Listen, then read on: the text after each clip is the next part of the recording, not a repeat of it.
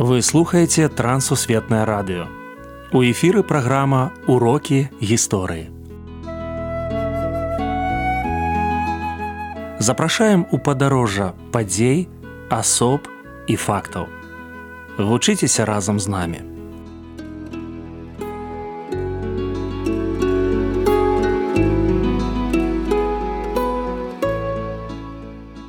Добры дзень сябры. Ля мікрафона сяржук брышцель і кандыдат гістарычных навук Андрусь уночак. Сёння мы пагаворым пра кастуся каліновскага. Прывітанне Андрусь. Прывітанне сяржук, прывітанне шаноўныя слухачы. Прадстаўце калі ласка нашага гістарычнага госця. Наш гістарычны госць гэта кіраўнік паўстання 1863-64 гадоў у Беларусі і літве гэта кіраўнік часовага ўрада беларусі і літвы у 1863-64 годах гэта чалавек які выдаў першую газету на сучаснай беларускай мове мужыцкую праўду і гэта чалавек які можна лічыць заснаваў сучасную беларускую нацыянальную ідэю. Каліновскі сярод вядомых выпускнікоў свіслачскай гімназіі так безумоўна ён вучыўся ў свіслацкай гімназіі. Яны жылі недалёка свіслачы у фальварку якушоўка які набыў ягоны бацька сымон каліноўскі праз 11 гадоў пасля яго нараджэння. І менавіта там ён ён вучыўся Ну нагадаю что там жа вучыўся адзін з кіраўнікоў паўстання рамуаль траугут там вучыўся наполеон орда наш знакаміты мастак і кампазітар. І было шэраг іншых вядомых выпускнікоў. Чаму паўстанне яська гаспадар спадвільні абапіраўся на сяляны дробную шляхту? Ну, ён быў чалавекам ужо новага тыпу мыслення. Ён лічыў, што у адрозненні ад папярэдніх эпохаў нацыя яна складаецца не толькі са шляхты, Таму што да яго лічылася, што народ палітычны і нацыя гэта фактычна сінонім шляхты. А ён э, бачыў гэта шырэй, што патрэбна іншыя пласты падымаць да ўзроўню вось шляхты набілітэту. І ён э, казаў, што сяляне яны ў прынцыпе могуць падняцца да ўзроўню шляхты па сваёй свядомасці, што нацыя гэта ўвесь народ. Менавіта таму вось ён звяртаўся да тых пластоў народу, да якіх да яго ну, фактычна ніхто так наўпрост не звяртаўся мужыцкая праўда як літаратурная і нацыянальная каштоўнасць. Сапраўды гэта газета гэта выданне якое каштавала 5 грошаў там стаіць кошт на гэтым выданні. Гэта такія чатыры старонкі тэксту на беларускай мове лацінскім шрифтам у якіх адлюстроўваецца погляд каліноўскага нават можа быць шырэй групы каліноўскага на тыя ці іншыя пытанні. Выйшла сем нумароў кожны тэматычны прысвечаныя напрыклад судам прысвечаная напрыклад канфесіям веры ў Бога прысвечаныя рэкруцкім наборам. Тым пытанням актуальным якія закраналі сапраўды кожнага чалавека у тагачаснай беларусі які адначасова сцвярджалі што за свабоду трэба змагацца самім. Менавіта ў гэтым іх каштоўнасць і ў гэтым іх сіла аж да аж да сённяшняга дня яны актуальныя. Андрусь вы прыгадвалі што кастусь каліноўскі быў кіраўніком паўстання.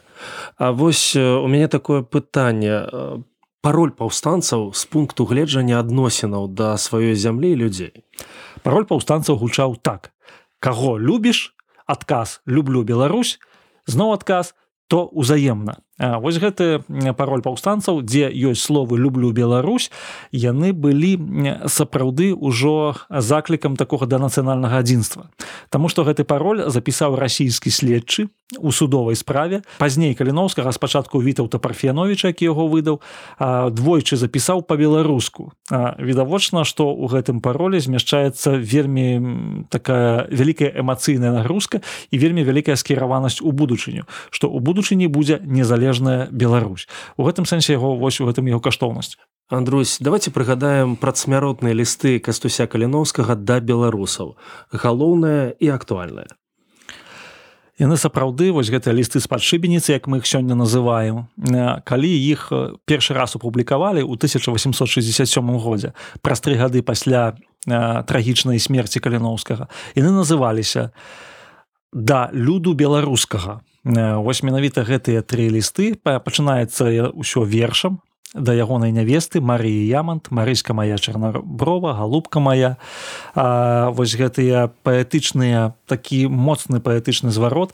Пазней ідзе ягоны такі ну тэстамент ягоны грамадскі палітычны, дзе ён паказвае тое, што народ ён павінен змагацца за сваю свабоду, за сваю веру, за свайго Бога каліноўскі нават вось так піша. І трэцяя частка ён падае праграму дзеянняў.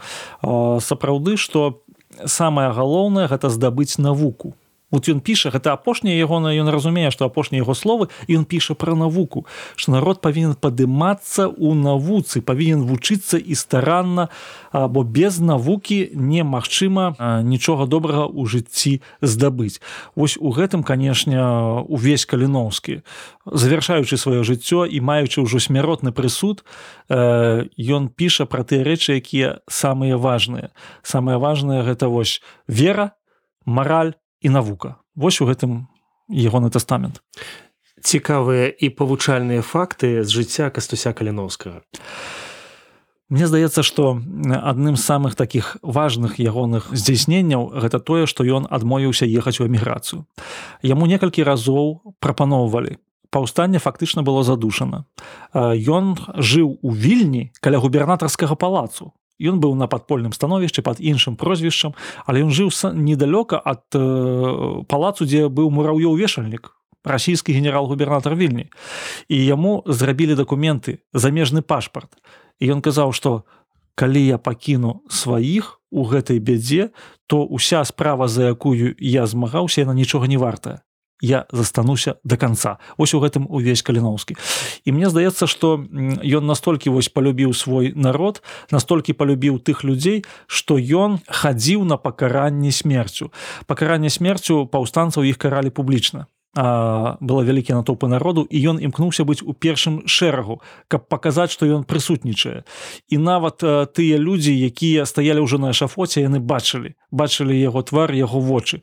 І у паўстанцаў захавалася нават такое што на іх пакарання прыходзіць кіраўнік ураду. І гэта для іх было вельмі важным. Вось у гэтым увесь каліноўскі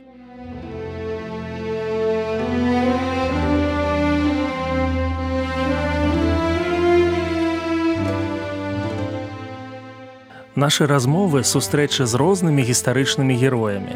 Іх жыццё не толькі ўрокі, але і пытанне. Ці існуе штосьці каштоўнае, дзеля чаго варта жыць? Ці ёсць мэта, якая апраўдвае пакуты. Людзі пакідаюць зону камфорту і ахвяруюць сябе дзеля будучага сваёй зямлі. Здаецца, імі авалодаў унутраны непакой. Яны не могуць заставацца абыякавымі да наваколля імкненне зразумець сапраўдны сэнс іх жыцця ляжыць не на паверхні, а на дне душы. Красамоўна пра гэта сведчаць думкі, словы і ўчынкі. І гэта не штучны патрыятызм, а штосьці большее. Кастусь каліноўскі герой свайго часу. Ён адукаваны чалавек, кандыдат права сфармуляваў ідэю дэмакратычнай дзяржавы, не народ для ўраду, а ўрад для народу спачатку 90-х гэта выказванне выкарыстоўвалася ў якасці эпіграфу на першай старонцы газеты Рэспубліка. Ён спрабаваў размаўляць з беларусамі праз мужыцкую праўду і лісты з-пад шыбеніцы. Ён быў сярод тых, хто прыдумаў пароль паўстанцаў: Каго любіш, люблю Беларусь, то ўзаемна. Проста, глыбока, практычна. Для мяне гэтыя словы сёння, сімбал міралюбівых беларусаў. Яны разам ахвярна працуюць дзеля лепшага заўтра.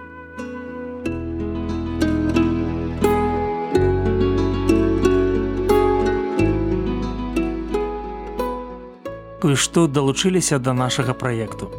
Калі ў вас ёсць пытанні, пішыце калі ласка на адрас. Трансусветнае радыё, урокі гісторыі. Паштовая скрынка 45, індекс 22 40 20 город брест 20 Беларусь. До новых сустрэч